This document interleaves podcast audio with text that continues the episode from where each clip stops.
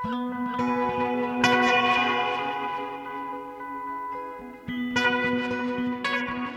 og sæl, kæri hlustendur.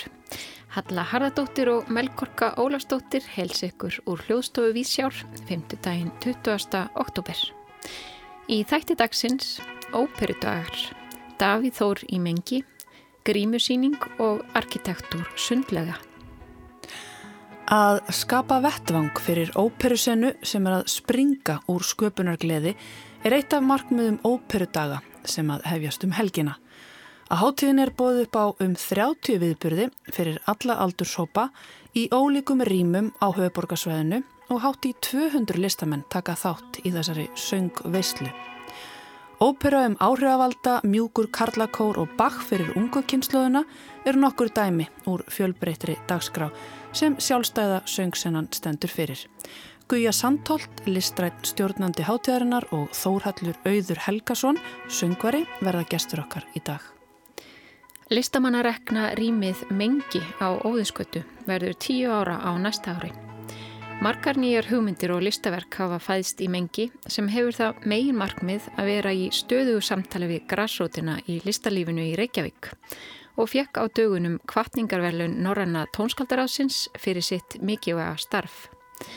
Nú um helgina verður stór viðburður í Mengi þegar píjónuleikarin og spunameistarin Davíð Þór Jónsson leiðir tónleikagesti í þryggja kvölda óvissuferð um sköpunalendur sínar. Víðsjá heimsótti þá Davíð Þór og Skúla Sverrisson, listrænan stjórnanda Mengis, í mildri morgun spunastemningu á Óðinskötu sem hljómar í lok þáttar. Óskar Arnórsson, arkitektúrfræðingur, velti fyrir sér sundlegum og sundlega menningu í þætti dagsins. En við byrjum í Tjarnabíó. Ríma er ný íslensk leiksýning sem síndir í Tjarnabíói um þessar myndir. Sjónræn, komísk og harmræn heilgrímu síning sem fluttir án orða segir á vef leikúsins. Eva Haldur og Guðmundsdóttir tekur nú við. Áður en lengra er haldið vil ég láta hlustendur vita að í þessum pistli verður fjallað um afleðingar ofbeldis. Að verða fyrir ofbeldi breytir mannesku. Það beinlinn stelur broti af sálu hennar. Sterkar manneskjur geta orðið óttasleiknar, viðkvæmar manneskjur horfið inn í sjálfar sig og opnar manneskjur lokast. Leitróf lífsins getur orðið svartkvít. Einn versta afleðingin er að þólandin setur upp grímu og einangra sig frá öðrum. Hann getur ekki treyst. Hann felur sig frá umheiminum og leitast við að hverfa til að upplifa ekki sársökan aftur. Hefur versta við þetta allt er að þar með hefur hann lokað sig frá því sem getur hjálpað þólandanum hvað mest í að styrkja sig. Gefandi og ástrykusambandi við aðra mannesku. Afleðingar þess að verða fyrir ofbeldi geta verið svo margvíslegar en allar eiga þær sameinlegt að umturna lífi manneskunar sem fyrir því verður. Um allt þetta og meira til fjallar síningin Ríma sem fremsynd var í tjarnarbí á síðastliði sundarskvöld. Verkið segir frá konunni Rímu sem hefur verið innbúi á afskjöktum bæ. Í upphafi er óljóst hvers vegna hún er þangað komin en áhórandin fylgir henni frá unga aldri fram á elli ár í sinni sjálfskeipuðu einangrun. Sveitalífið virðist heitlandi en fljótt kemur í ljós að ekki er allt með feldu. Ríma á erfitt með að festa sveppn og við sjáum hann að beita furðulegum bröðum til að róa tögukerfið því ef hún vaknar á hún erfitt með að sopna aftur. Í daglegri rútínu breytast hún í barn og leikur minningu úr æsku. Hvaða minning, það kemur í ljós síðar í síningunni. Lífkonunar í sveitinni gengur sinn vanagang í mörg ár, allt þar til postbörðarkonu berað gardi dag einn. Ríma tekur vægast sagt harkalega á móti ungu konunni sem leitar skjóls undan fárviðri í kofa hennar en bráttu myndast falleg vinata millið þeirra. Unga bóstburðakonan hristir upp í tilverugömlu kjertlingarinnar og gerir það að verkum að hún þarf að horfast í augu við og gera upp fortið sína. Grímur og leikús hafa haldist í hendur í mörg hundruð ár. Talið er að Grímur hafi spilið stort hlutverk í trúaratöfnum og hátíðarhöldum við sverum heiminn og þaðan þróast nótkun þeirra í leikarætni tjáningu. Grímur voru notaðir í nóleikúsinu og forngrykkir notuðu þær til að tólka verk sín. Grímuleikur er svo samofinn leikusinu að táknið sem leikus nota eru tvær grímur. En hinn almenni leikus áhörandi í dag er samt ekki beint vanur að horfa á grímuleik. Aldi Stafistóttir leikur aðarhlutverksýningarinnar og býr til grímurnar. Þær eru stórar og fallegar en jáfnframt það manneskjulegar að alvarleg svipriði þeirra vekja örlittla ónóta tilfinningu hjá áhórundanum. Í upphafi verksins fylgjum við koninni frá því að hún flytur ungi sveitina og sjáum hana eldast. Það tók mig smá tíma að vennjast grímunu og tólkun aldísar á koninni. Er áleið og Aldís hafði spólað fram í tíman og breyst í gömlukonuna varð verkið skýrt og reglur heimsins greinilegar. Gaman var að sjá mönin á líkamsholningu Aldísar í tólkun hennar og ungu konunni og svo þeirri gömlu. Gamla konan er næjusem og skemmtilegt að sjá hann að lifa á landinu. En skýrt er að hún burðast með áfall úr æsku sinni og hefur verið beitt ofbeldi. Afgerandi taktbreyting verður svo í verkinu þegar unga postburðakonan leikin af Þóriðu Birgistóttur kemur. Þóri er mögnuð í tólkun sinna á þessari ungu konu sem kemur eins og stormsveipur inn í heim innbúans. Unga konan ákveður að setjast að hjá hrímu og úrverður stórkostlega viðnóta á sambúð. Samspill þeirra Aldísar og Þóriar er svo gefandi að horfa á. Hríma var stöðnuð í rútínu sinni og endurtekningu, en unga konan hjálpar henni að takast á við tjöfla fortíðar. Ágústa skúladóttir og Orri Hugin Ágússon leittu höfundavinnuna að bakiverkinu og leikstýrði því jafnframt. Þau eiga hrós skilið fyrir að fara varlega með viðkvæman efni við án þess að hlýfa okkur við þeim gríðarlega erfiðu afleðingum sem áfalla streyta hefur og hvað þólendur ofbildist þurfa að upplifa dag frá degi. Einni vil ég minnast á hversu glöð ég var að sjá sett var viðvörun eða trigger warning um að í síningunni sé fjallað um ofbeldi. Eitthvað eins einfalt og viðverunum efni við verks er nöðsynlegt fyrir þólendur ofbildis því án hennar getur ánægilegt kvöld í leikosinu breyst í martröð. Í dag ætti þetta að vera sjálfsæður hlutur en er það því miður ekki þar sem oft virðist þetta gleymast, jafnvel í stóru síningunum. Verkið nýstirinn að beini og að sjá gömlukonuna fasta í spíral minninga um ofbeldið sem hún var beitt vekur erfiðar tilfinningar hjá áhöranda. Senurnar eru sumar strempnar áhorfs vegna þess hver hreinskilnar þær eru. En síningin kallar á falsleysi og leikstjórnarlega ákvarðunin um að leifa verkinu að sína líkamar hrímu engjast um í hryllilegu minningum var mikilvæg. Leiksýningin er án orða og er gaman að hugsa til þess að við sem erum heyrandi og þau sem heyra ekki hafa jafnan aðgang af verkinu og tólkun leikvennana á personunum og sögunni. Með því að fjalla um áfallastreitu án orða og með grímum krefur síningin áhörendur um skinnjun í staður aukstöðnings. Tónlist Sævars Helga Jóhanssonar bætir við skinnjunina og er ævintýraleg og spennuþrungin. Laugin voru góð og til þess gerða íta undir en hljóðmynd óskýr á köplum. Til dæmis þegar hún sviftur upp tjaldina á kofanum áttaði ég mig ekki á því að þetta ætti að vera stormur. En á öðrum stöðum var hljóðmyndin virkilega gefandi. Eins og þegar spólað var áfram í tíma var það hún sem gerði tímaflekkið skýrara. Hljóðið ásamt leiktúlkuninni hafði þau áhrif að allt virtist rulla áfram líkt og í svo kalluðu timelapse myndbandi. Leikmyndin sínir mjög greinilega hús sem byggt hefur verið af konu sem skorti tækin, tólin og kunnáttu til að byggja. En með útsjónasemi hefur hún rest sér hjartnæmt og fallegt rými í veröldinni. Leikmynd og útlitverksins sem er í höndum auðar Asparkvöðmundsdóttur og högna Sigur Þórssonar býr til fallegt lag á skinnjunana á verkinu.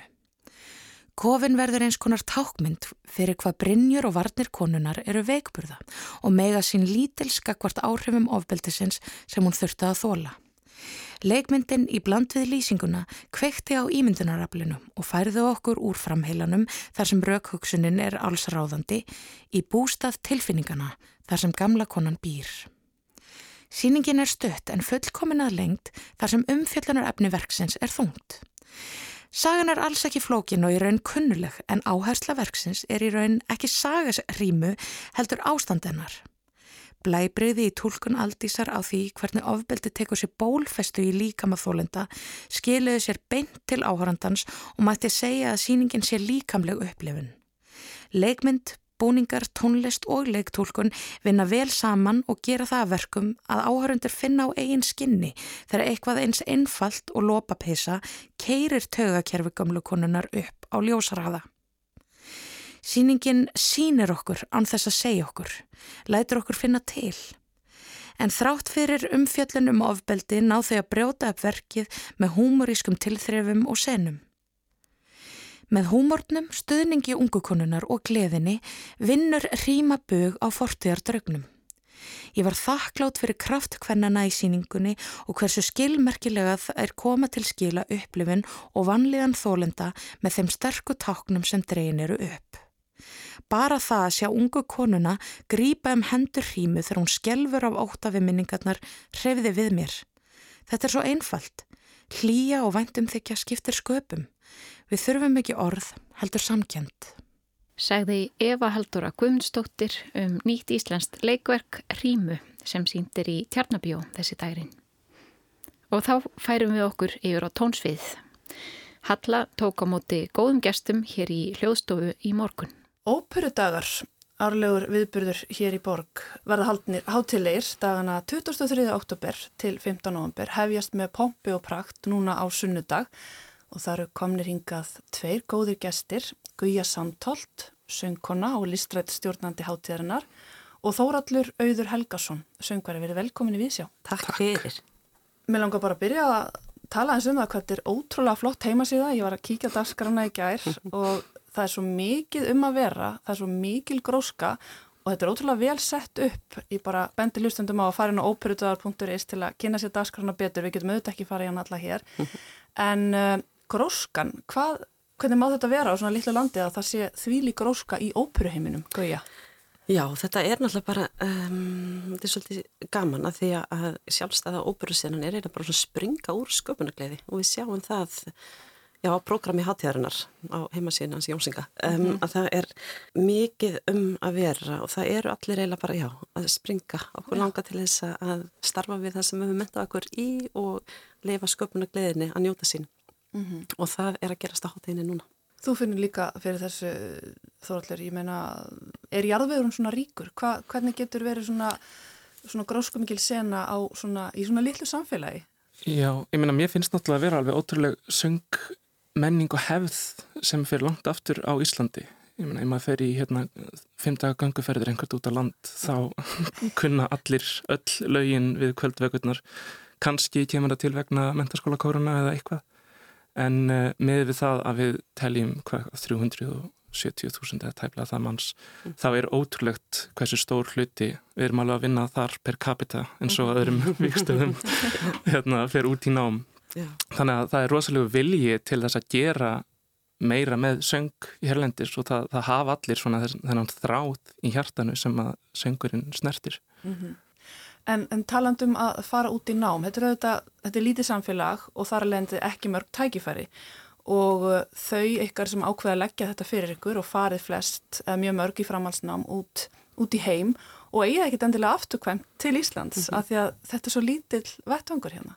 Nei, ég meina, ég, þegar ég fór út þá bjóst ég satt að segja ekki endilega við því að, að snúa aftur heim og uh, svo gerði ég þannig samt og uh, ég held að sko svona ákveðin rauðir stráður í þessari háttíð núna sé líka sá að hvað fólk er duglegt að bara búa sér til sín tækifæri. Það hefur svolítið verið þannig að bara það er undir söngurinnum sjálfum komið að, að skapa þann vettvang sem að þau vilja að sé til og uh, þetta er náttúrulega líka hátíð þess, þetta er svona smá hérna entrepreneur mm -hmm. hátíð í reyninni líka mm -hmm. Já, hátíð er náttúrulega bara svona vettvokur fyrir klassíska söngvara og þeirra samsast fólk til þess að að standa verkunum, þannig að þetta er ekki bara þetta er ekki hátíðin sem er að standa fyrir öllur þetta er þáttöku hátíð, þannig að við um, við framliðum nokkra viðbyrði og svo er fólk sem bara til að vera með og þetta er svona saminlegt átak, mm -hmm. við erum að sína fram á hvað er hvað er bara mikil gróska.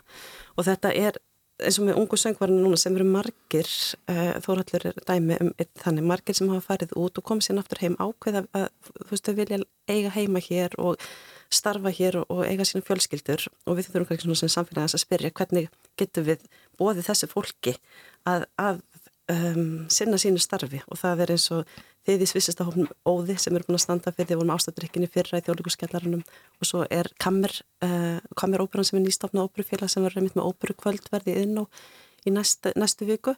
Þetta er svo alveg svona hámentað fólk, ótrúlega uh, fært fólk á sínu sviði. Og það vil bara starfa hér á landi. Þannig hvernig getur við einhvern veginn left og, og búið til um, innviði og grundvöld til þess að það megi gerast? Mm -hmm. og við vorum að tala um bílinum áðan og til dæmis við, ég, ég lærði í Hollandi og Elin Gunnarsdóttir sem er líka tónskátt, hún er með tónleikús fyrir börn og hún var að tala, hún var líka í Hollandi í Hollandi það sem þau gera þar þeir eru með, óperukompaníin eru með svona sko fara að ferðast um landið og þannig að maður er ekki bara með eina síningu og æfir allt og flytur einu sinni eða tviðs sinnum heldur ferbrotum all landið mm -hmm. og ég er svona, er alltaf að hugsa um það hvernig getum við bara búið til alveg heila svona starfs grundvöll uh, fyrir söngvar þeirra samstagsfólk til dæmis með því að búa til um, ferða óperu kompani mm, sem að myndi þá bara líka sinna allir landsbyðinni mm -hmm. og það myndi alltaf bara allir græða þannig að við, til þess að, þú veist, já, svo notur svolítið svona kapitalist hérna, orðfæri já. að um, þetta er það sem okkur langar til þess að gera okkur langar bara til að búa til starfsvettankér það sem er hægt að starfa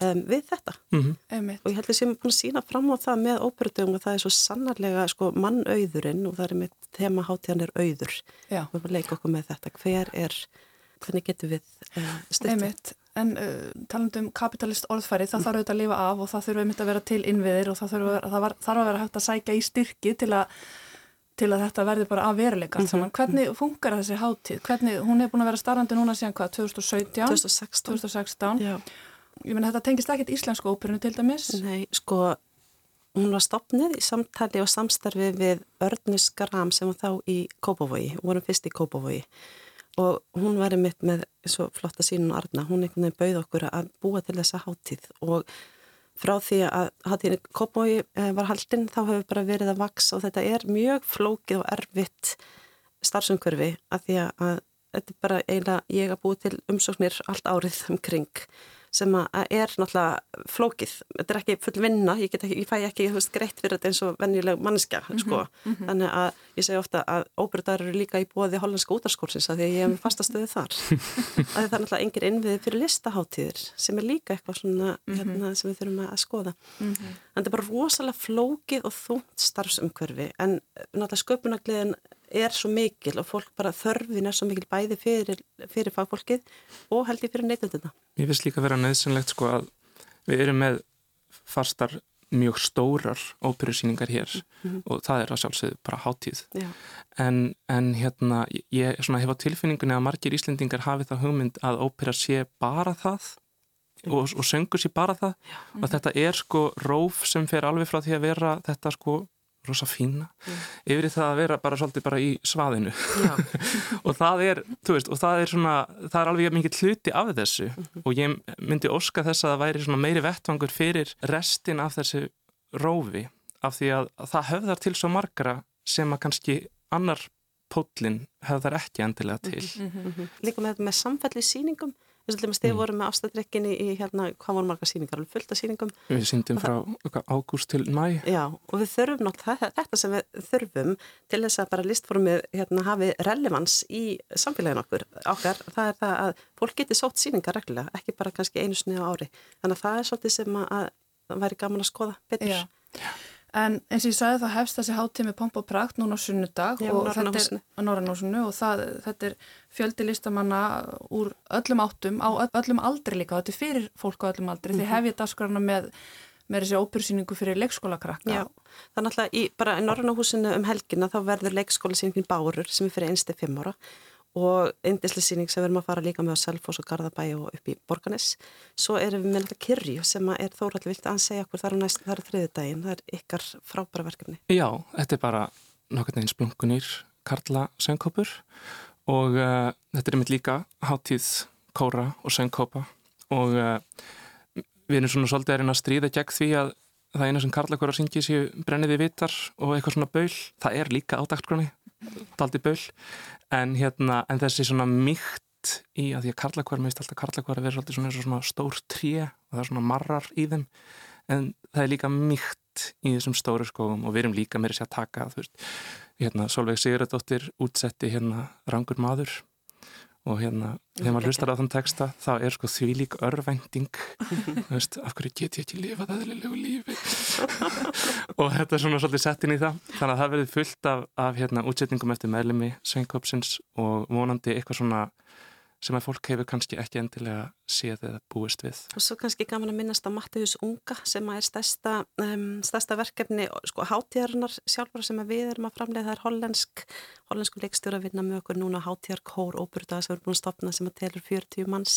Og þetta er Mattiðusar Passian um, eftir Bach um, fyrir unga áherendur, svona klukkutíma best of Mattiðus síning um, svona verður í staðan fyrir að vera, þetta er náttúrulega oratória kirkjulegt verk sem er meira orðið að óperu. Mm -hmm. með söngurum og leikurum og, og alveg ótrúlega magnaverkefni um, undir áhrifum frá hollendingunum að því að við náttúrulega mörg búin að vera í Hollandi. Og það er kannski líka gaman að minnast út af unga fólkina, það er svo mikið ungu fólki að það eru tvö nýsköpunar verkefni. Um, hún Ragnæður Ingun sem er að stjórna heilli uh, hljómsveit og syngja um leið, hún er hljómsveitastjóri um, söngkonu og fyrirleikari, hún verður í Eldborg 15. november þegar við tökum yfir Eldborg í heilan dag og svo hann Stefan Sandgroves sem er hún að semja tónlist um, í samstarfi við uh, Duff samfélagið, þannig að hann er að semja út frá íslenska tákmálinu, þetta hefur ekki verið gert áður að því að best vitum Ótrúlega spennandi tónleikar Já Og svo náttúrulega ópera fyrir áhrifavalda líka sem hún Hallur Rúnastóttir með. Það verður líka í Eldborg.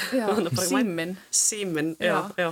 Það er svo margt spennand að dagskrá, uh, Gauja og Þóraldur Auður. Takk fyrir að koma og segja okkur frá óperudögum og svona bara ástriðinu á bakvið þá. Takk fyrir að... Takk sem hún leiðis. Áfæðu get ég ekki verið að pafingi samur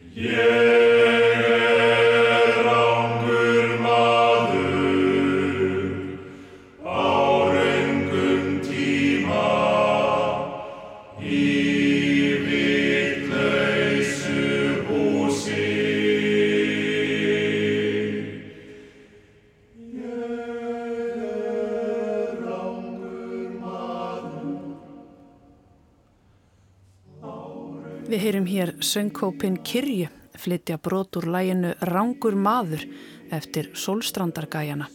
Hér í splungunýri útsetningu Solveigar Sigurðardóttur. Þetta verður sungið á einum af þeim fjölmörgu viðbyrðum sem eru framundan á óperudögum. En þá er komið að vangaveltum um arkitektúr Óskar Arnórsson tekur nú við. Sundið er allstaðar þessa dagana. Ekki nóg með að mörg af nefndum mínum við arkitektúrdeild Listaháskóla Íslands séu upptekinn af arkitektúrlaugana í bjæðaritgerum sínum, heldur er það til umfjöllunar í mynd Jóns Karls Helgasonar, sundlegasögum sem er í síningu út vikuna í Bíóparadís og í síningu Hönnunasaps Íslands, Sund, sem var nýlega framlengt út sunnudaginn 23. oktober. Mynd Jóns Karls einblínir eins og titillin gefur til kynna á einstakar sögur fólks og lýsi því hvernig það nýti laugarnar á sinn hátt þótt eldri kynsluðin sé helsta viðfang myndarinnar. Sýningin sund reynir hins vegar að fanga alla sundlega menningu Íslendinga. Þetta eru kannski stór orð en enginn sem fer á þessa sýningu á eftir að hugsa um sundmenningu á sama hátt til sýningin ljær gestum hugtök sem hjálp okkur að greina mismunandi kima og tímabil sundmenningar og sambandið á millið þeirra. Sýningin skiptist í læra, leika og njóta og eru þessi hugtök nótuð til að skipta þróun sundmenningarinnar niður á þrjú tímabill. Það fyrsta, læra, er lauslega á milli 1900 og 1960 þegar aðal áhersla sundmenningar er að kenna fólki að synda en mikilvægar auka áherslur eru líkamlegt hristi og almennur líkamstripnaður. Í öðru tímabilinu leika frá 1961 til 2000 kemur heitipotturinn til sögunar þar sem tilverður ný nótkunn laugana að njóta samneitis við annað fólk í heitu vatni. Í þriðatímabilinu njóta frá 2000 til okkar daga örlar á viðsnúningi með tilkomi nýra baðstaða viðsvegar um landið þar sem lögð er áhersla á upplifun, slökun og núvitund. Þrátt verið að skipting síningarinnar í þrjá hluta gangi vel upp þá eiga hugtökinn sem síningastjórnarnir nota, læra, leika og njóta kannski ekki alltaf við. Fyrir mér er potturinn ekki síður staður til að njóta en leika en eins og síningin bendir á snýst hann um að njóta með öðrum. Er ekki bylting pottarins á þessu tímabili, rétt eins og síningin undistrykar svo vel, umbreyting sundlögarinnar úr íþróttamannvirki í félagsmiðstöð, sem aftur er aðal viðfangsefni myndar Jóns Karls. Er ekki byltingin það samneiti sem fær fólk til að tala um sundlögar sem torg Íslendinga? Kanski er einfallega hægt að skipta öðru tímabilin í tvö. Tímabilið frá 1961, eftir að Vestubæjalög opnar, með sín fræga pott teiknaðan af Gísla Haldórsinni verður þannig að samneita og nær til ársins 1986 þegar steinapottur lögardalslögarinnar í hönnun arkitektsins I.S. Einars Þorsteinssonar kemur til sögunar.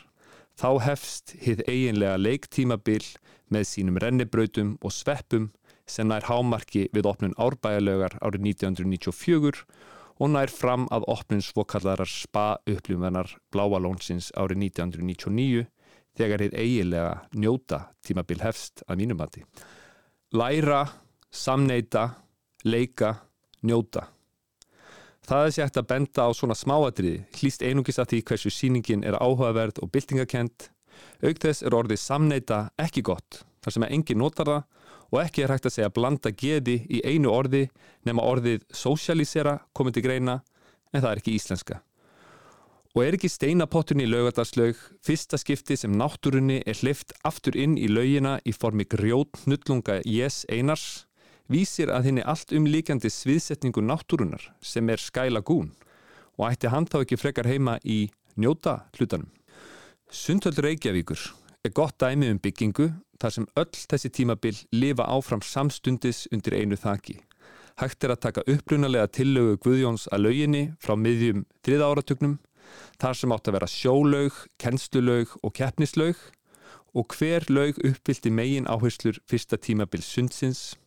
Sjólaugin þjálfaði sjómenn að bjarga sér í sjó, kennslulaugin kendi reikviskum börnum að synda og syndi þannig ríku uppeldis og eftirlill hlutverki og keppnislaugin ræktaði líkama reikvikinga og stuðlaði að heilbriðum líkama grundvellinum fyrir heilbriða sál. Til þess að komast í þessa þrjár laugar þurfti að ganga í gegnum hreinsunareld búningsklefans eins og einn sundlögagestu nefniða og vitnaði til í mistraríkjerd Katirina Snoradóttur. Þannig heldust í hendur lífsbjörg, lærdómur, líkamsrækt og þryfnaður. Eftir alheimskreppu og heimstyrjöld var gefin afsláttur af þessum áformum og einungis aðal laugin og búningsklefin livdu en hinnar fyrirætlanirnar livdu áfram í þeim.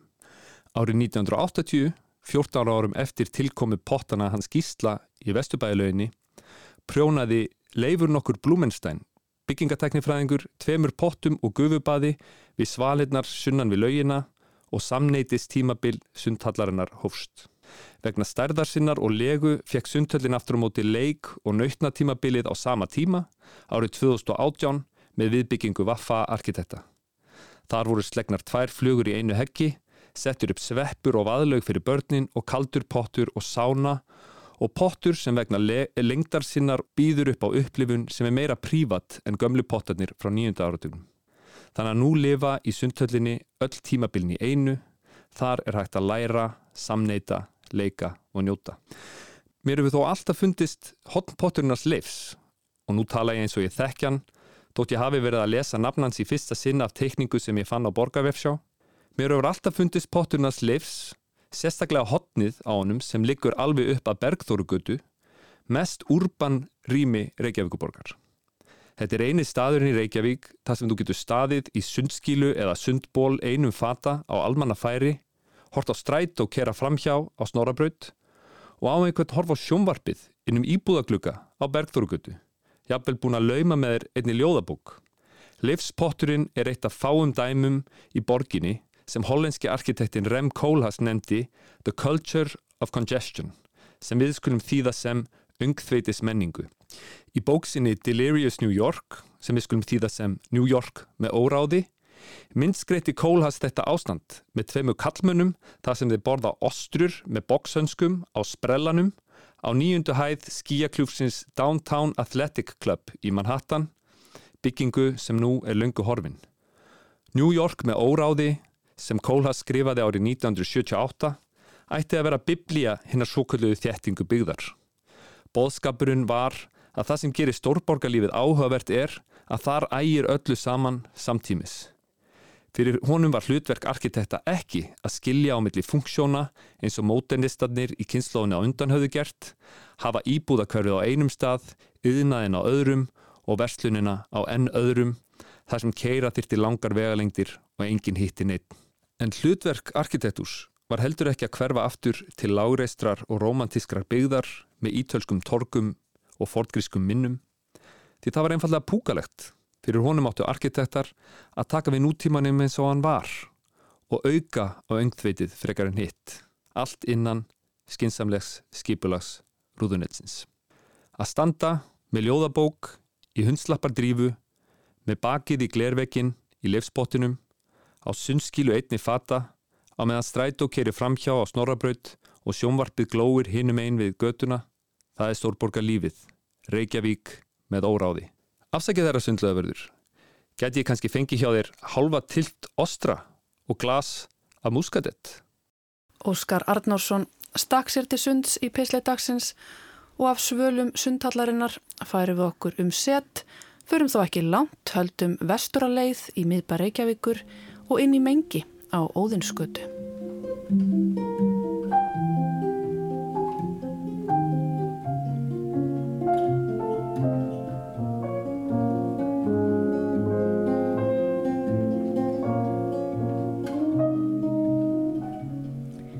Skúli Sværisson, þú sagði mér að það hefði verið svolítið mála að fá Davíð Þór til að koma og spila í mengi en nú kemur hann og spilar þrjú kvöldi röð. Hvernig tókst þér þetta?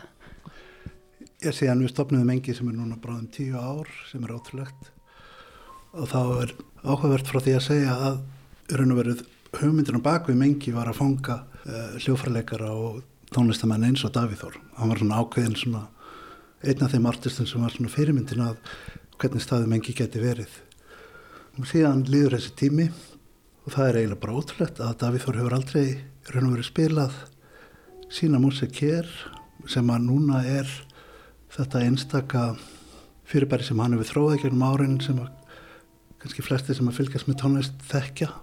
Hann hefur náttúrulega verið svo stór hluti af mörgum verkefnum í tónlist á Íslandi.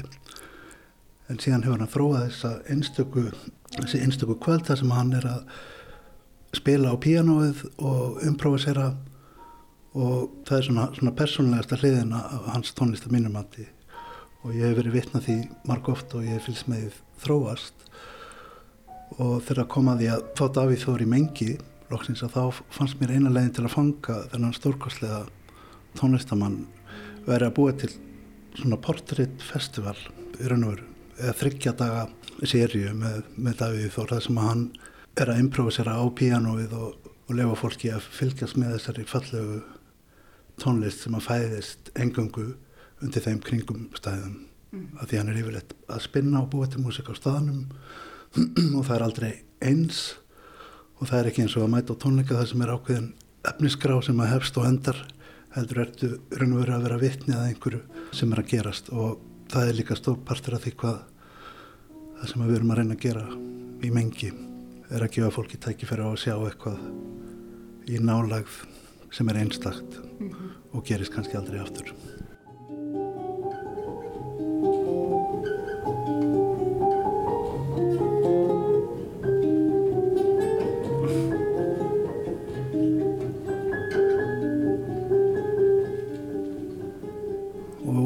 Skoða núna fyrsta mánuðin í mengi sem var mjög áhugavert að því að núna á næsta ári ætlum við að halda upp á ammali mengis og þeir sem að spiluðu fyrsta mánuðin í mingi voru Hildur Guðnadóttir, Úlfur Hansson, Unna Sveinbjörnadóttir, Stillep Steipa, Úlfur Eldjátt.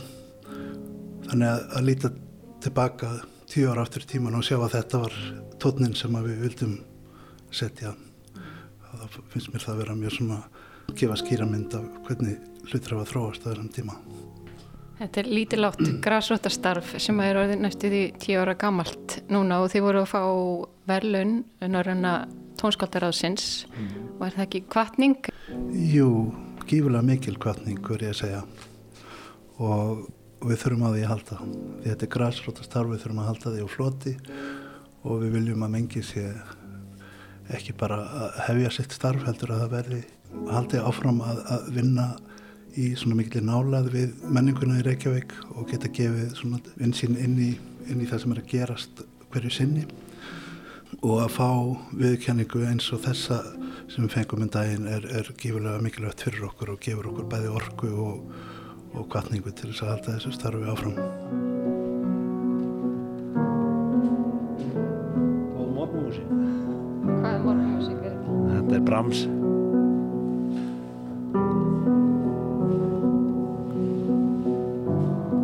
Brahms, Bach og Skúli Sverrisson. Það er ágætt samblanda svona maður kemst hansi marga mótna í gegnum það. Þetta er úr Intermezzoi. Þetta er tvöf, tvöfald verk sko. Alveg indislegir heimar hérna. Þetta rempist maður við að gleima sér í sko. Meðal annar að verka. En þú byrjar, byrjar um mótnana á Bach. Er það tærasta morgumúsíkin? Suma mótna, já, mér finnst það það er algjör vestla sko stundum að, að rýna í bókina og reyna mun eitthvað eh, líka án bókarinnar svona. og, stund... og stundum eitthvað allt annað bara eh, að reyna að kíkja inn skoða heiminn, ekki endilega full æf eitthvað að þetta hefur verið svo lengi með manni frá batsaldri sko.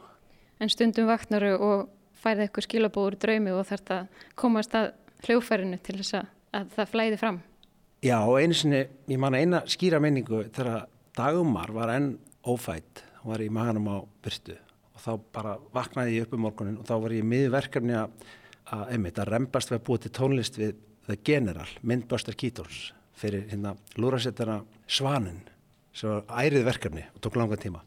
Og þetta var voða mikið streð og ég þurfti alveg að toga alls konar og alveg að nota tangir og tók út. Svo bara einn morgunin þá kom svona ein góð meðalda eða meðbyr og var hérna árum fórum að sofa þá var hann þá voru hann að sprikla svo mikið. Maður bara fann alveg reyfingarnar á spriklið. Og ég vakna um morgunin bara hugsa um þetta sprikl og sprikl og þá einhvern veginn bara þá kom bara tilbúið stef sem var svona eins og eitthvað svona riverdans, eitthvað sprikl, eitthvað brjál. Ég hef aldrei búið þetta til og það, það, það var svona típisku morgun úr draumi sem var eitthvað en ég mann ekki alveg en það er sérskap svona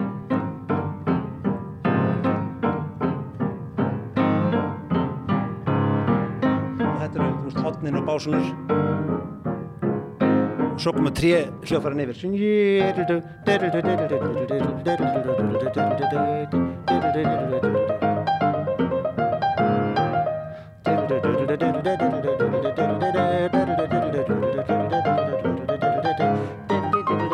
Ég manandi ekki alveg. En þetta kom alveg tilbúið sko. og svo margum voru að setja núna hérna bara fyrir nokkru dögum þá eru við hérna, að spila ég á skúlu, ég er að læra svolítið hans tónlist sem er alveg dásanlega lærist bara mill okkar. Og það ásökti mig í draumi líka þannig ég vaknaði um morgunin og það var búin að flytja það til. Fyrst var það stef sem var hér sko.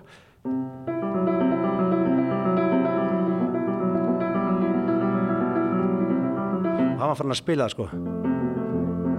Þá hægist það og breytist alveg áferðum við höfum verið að spila þetta sko.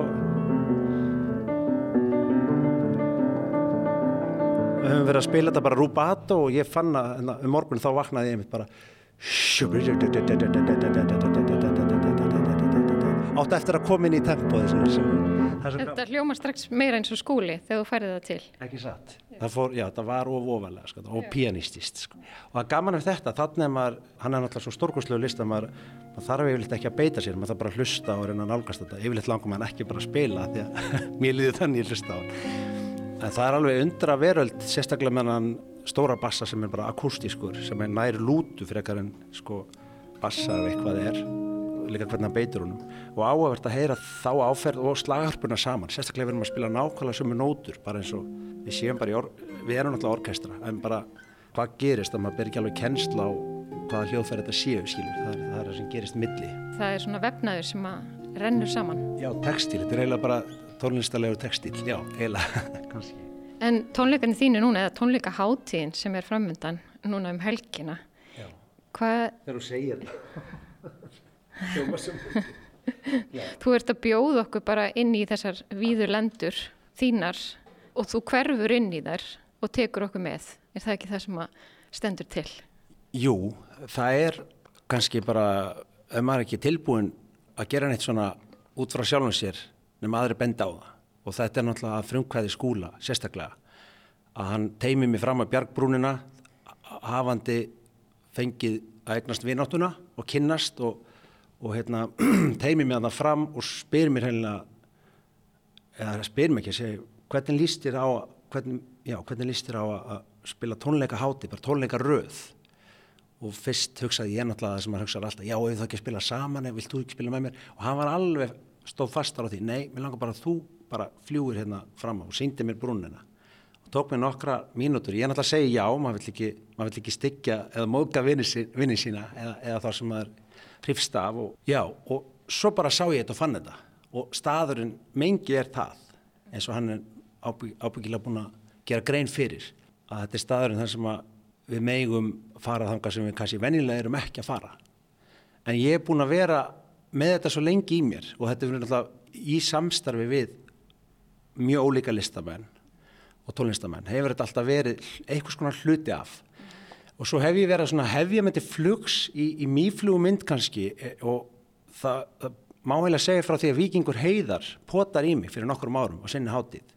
Og þá var ég alltaf að gera lítið úr þessu einhvern veginn, njáninni, ég er nú bara eitthvað afsakaði þetta glamur í mér, en hann var algjörlega ákveðin að þú verður að koma hérna þú veist, eina svona óræða aflið kannski sem kemur inn og þannig þá var mér svona hliftaðins út. Og ég var ekki alveg bara viðbúin eða tilbúin en í því ástandi að upplifa það þá upplifi ég að maður er tilbúin þó maður haldið að maður sé það síst En þessi staðu sem ert að tala um sem að þú farið að fara hérna inn í, í mengi sem að mengi svona leggur sér fram við að halda utanum Já. og segir að þú, þú bendur okkur á að við leifum okkur ofta ekki að fara á þennan stað en samt er þetta svona staði sem okkur finnst öllum rosalega spennandi.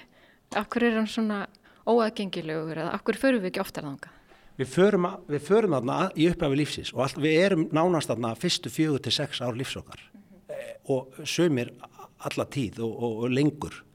Og aðris upplifa það að það, hérna, þeir eru þarna og svo allt hérna hverfur þessi staður.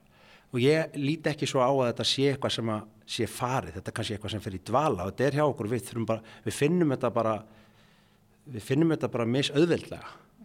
En, en nú finn ég til dæmis í mínu tilviki þá er þetta eitthvað sem bara lætum ekki friði núna. Og það að, að sko e, það er hérna ég er óvanur að nota orðin til að lýsa þessu en það er líka mjög holdt og það er svona frábært að fá takja fyrir að hérna, tala við fólk sem kann með orðin að fara eins og þig og hérna verandi tónlistar kona líka. Þetta er einhver svona, það er einhver svona eldmóður og, og þörf og þrá og, og, og forvitni fyrir hinn ómænta og þetta er svona eitthvað meira en bara að setjast niður og þú veist hérna eins og áðan þá varði ég bara að spila og við erum bara aðeins að spila og ég var að reyna að muna hérna brotu partítu sem ég er að hérna bæta við, bæta, hérna, maður er alltaf reyna að bæta við sig. Og ég hafði ekki lesað hana nægilega mikið yfir en fer að leita henni, svo bara finna nótundast sig sjálfar stundum. Og það er að merkilega við bak, sko, sögumir haldan hafi samið allt út frá einhverju ótrúlegi bara, bara hugvitinu og, heilanum og, en, en ég, mér finnst þetta einhvern veginn vera allt. Þessi, þessi þrýrningur sem er, er sko þið vitræna, þið sálræna og þið líkamlega sameinast og, allt, og þarna í milli reynum að vera. En þessi stað sem að ég henn að fara og hann er allt frá því nánast að leggja lófana flata á hljómborðið strúkastrengina innviði hljóðfæriðsins eh, hvað gerist ef ég, ef ég sleppi því algjörlega ákveða nótu, hljóma, tekstúrur eh, veist, form, formleysu samkverfu, andsamkverfu öll þessi hugtök, öll þessi orð og hugtök að því að þegar við förum inn í heimtólistarinnar eins og þegar við vorum börn þar sem við, okkur, þar sem við viljum dvelja þá nánast er engin tími fyrir orð. Og það er það sem er svo dásald, þessi undra heimur eins og hitt er líka dásald, það kannski kemur þá í kjölfarið, það fyrir verðin að finna analýsinu út, útskýringar á, á, á hvað þetta er sem átt þessi stað, en ég með langar ekki að fást við það, sko, þá leifum við kannski einhverjum öðrum að sjá um það. Og svo auðvitað er aðal punkturinn í þessu líka að hvað gerist meðal fólks að því að eitt er að spila hljóðfæri bara eitt með sjálfum sér. Það, svo ég vitni í þá stórkurslegu listakonu og, vinkonu okkar allra talandum Gimstein þjóðarinnar, önnu Guðni Guðmundsdóttir, hún að sefa og samena. Þú veist, þetta sefar okkar eigin sorgir eða hugarhangur eða eitthvað, þetta bara reynilega tæmir all, allt, sko. Og svo samenar þetta líka. Og mjög gærnan eru við að hljóðrætta tónlist fyrir luktum dyrum, kannski með upptökumann eða eina frængu eða maka eða eitthvað svo leiðis, eða valla, þú veist og þá erum við alveg í örgu umhverfi að kljást við þetta en blessunlega mengi þannig það er bara að opna hörðina inn í þetta sem er oft innrænt og, og, og, og lokað þannig að það er það sem mér finnst líka að vera galdurinn eitt er að spila á hljóðfæri annar að spila hljóðfæri með, annar að síðan að spila með öðrum þá þarf maður alltaf að beita bara hlustin og svo að spila á hljóðfæri jafnvel með öðrum fyrir fólk. En þá kemur hann að núturinn í magan og sem Gagga Lund saði að ef maður gleymir honum sko eða ef maður finnur ekki fyrir hérna, smá spennu eða einhverju í, í maganu þá væri það frekja við áhrendur mér finnst það svo skemmtilega orðað. Það væri hrein og klár frekja Það talar um að, að sefa eða lækna það, það hefur verið notað um listir mm. og ég hef stundum hugsað í sambandi við ljóðlistana hvernig myndlíkingar hafa þann tilgang að breyta um sjónarhótt að, að við sjáum kannski samanlutin í allt öru ljósi mm. og tónlist getur líka gert það og ég man að þú sagðir einhvern tíman fyrir löngu síðan að ef við erum í vanlíðan þá þyrstum við bara að vika sjóndildarhingin. Er það það sem að er að gerast hérna? Ég sé fyrir mér að sjóndildarhingurinn viki og mengi verði reysa stórt. Ég ætla að segja já bara við þessari spurningu. Ekkert árlengja það meira því að þú veist það er í rauninni þá sé ég ekki taka á þessu húsi. Sko. Ekkert frekar en Hallgrímskirkju að spila jarðafærið að hlusta eitthvað spila þar við erum myndið stóra þakkinu sko. auðvitað leitu við að þessu og, þa og það er bara þetta að vaða stað þess að börnin eru bara, þau bara vaða stað þau eru bara forvitin hvað er þetta og þau eru órólega því að þau eru forvitin En þú talar um að þú sérst að koma út úr svona batnastúsi og núna kemur sköpunar þrá hún riðst fram. Finnst þér það að hafa verið í þessu batnastúsi að hafa breytt þér sem listamanni? Ég bara hrættur að hugsa um að, þó, að þóra svara þessu sko. Jú, erum við ekki öll að reyfast og breytast í, í þessu öll, ég, ég veit ekkert magnar en að fá að veist, verða fóreldri sko, og við, við að fá að auðnast það, það er bara, það er alveg rosalegt, ótrúlegt í allir sinni vít og blæbriðum og það hlýtur að gera eitthvað við mann sko, og það er náttúrulega fyrsta sem það gerir, það kipir mann, mann bara alveg úr, úr sambandi vegna þess að þetta er svo mikið afl, þetta er bara aflið sem mér finnst tónlistin vera. Og hún lifir í okkur og fólki ekki á blaði endilega eða í stafrænum vélum, skiljur, í algoritmi. Hún lifir ekki þar sko. Hún er sko bara dokumentur þar. En aflið sem slíkt, náttúraflið, bara svo vindar og vassafl og eldur og þetta er ekki sjöluvara sko. Og það er, það er mjög hættulegt að segja en það verður að segja að tónlist er ekki sjöluvara í eðli sínu, hún er mjög formt afl sem að nær svo langt aftur, hún er út fyrir mar, hérna, margar sjóndeldar hringin. Já, vonandi hefur þetta bara líka gefið manni sko, hugur ekki að vera alveg, reyna að tæma alveg, hérna, það að vera með dæturum mín með bara, veist, það bara, það krefst alls.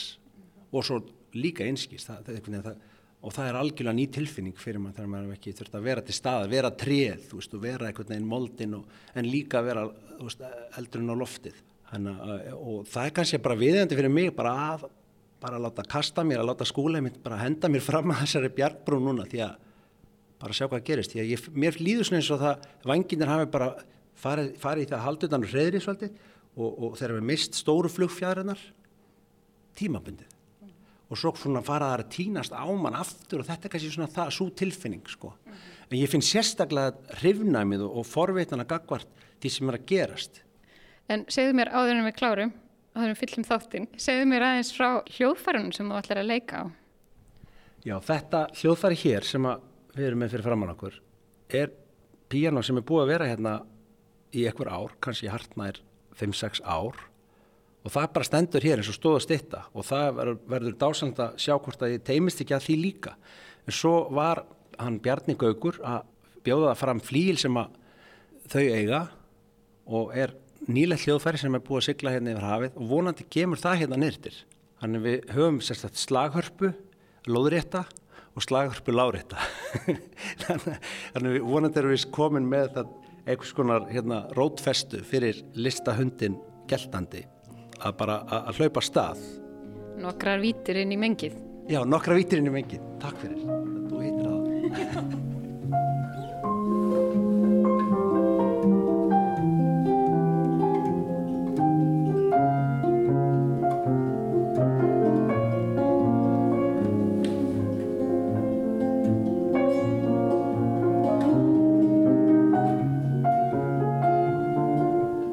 Nokkri tónar úr morgun spuna þeirra Davíðs Þós og Skúla Sverrissonar í mengi. Von er á nýri plötu úr smiðju Skúla, von bráðar, en nú um helgina geta áhuga samir sótt þryggja kvölda tónleikaháttíð Davíðs Þós, þar sem hann leiðir hlustendur í óvissu ferð um lönd spunans eins og honum er einum lægið. Og hér endur við þátt dagsins. Takk fyrir samfélgina og góða helgi.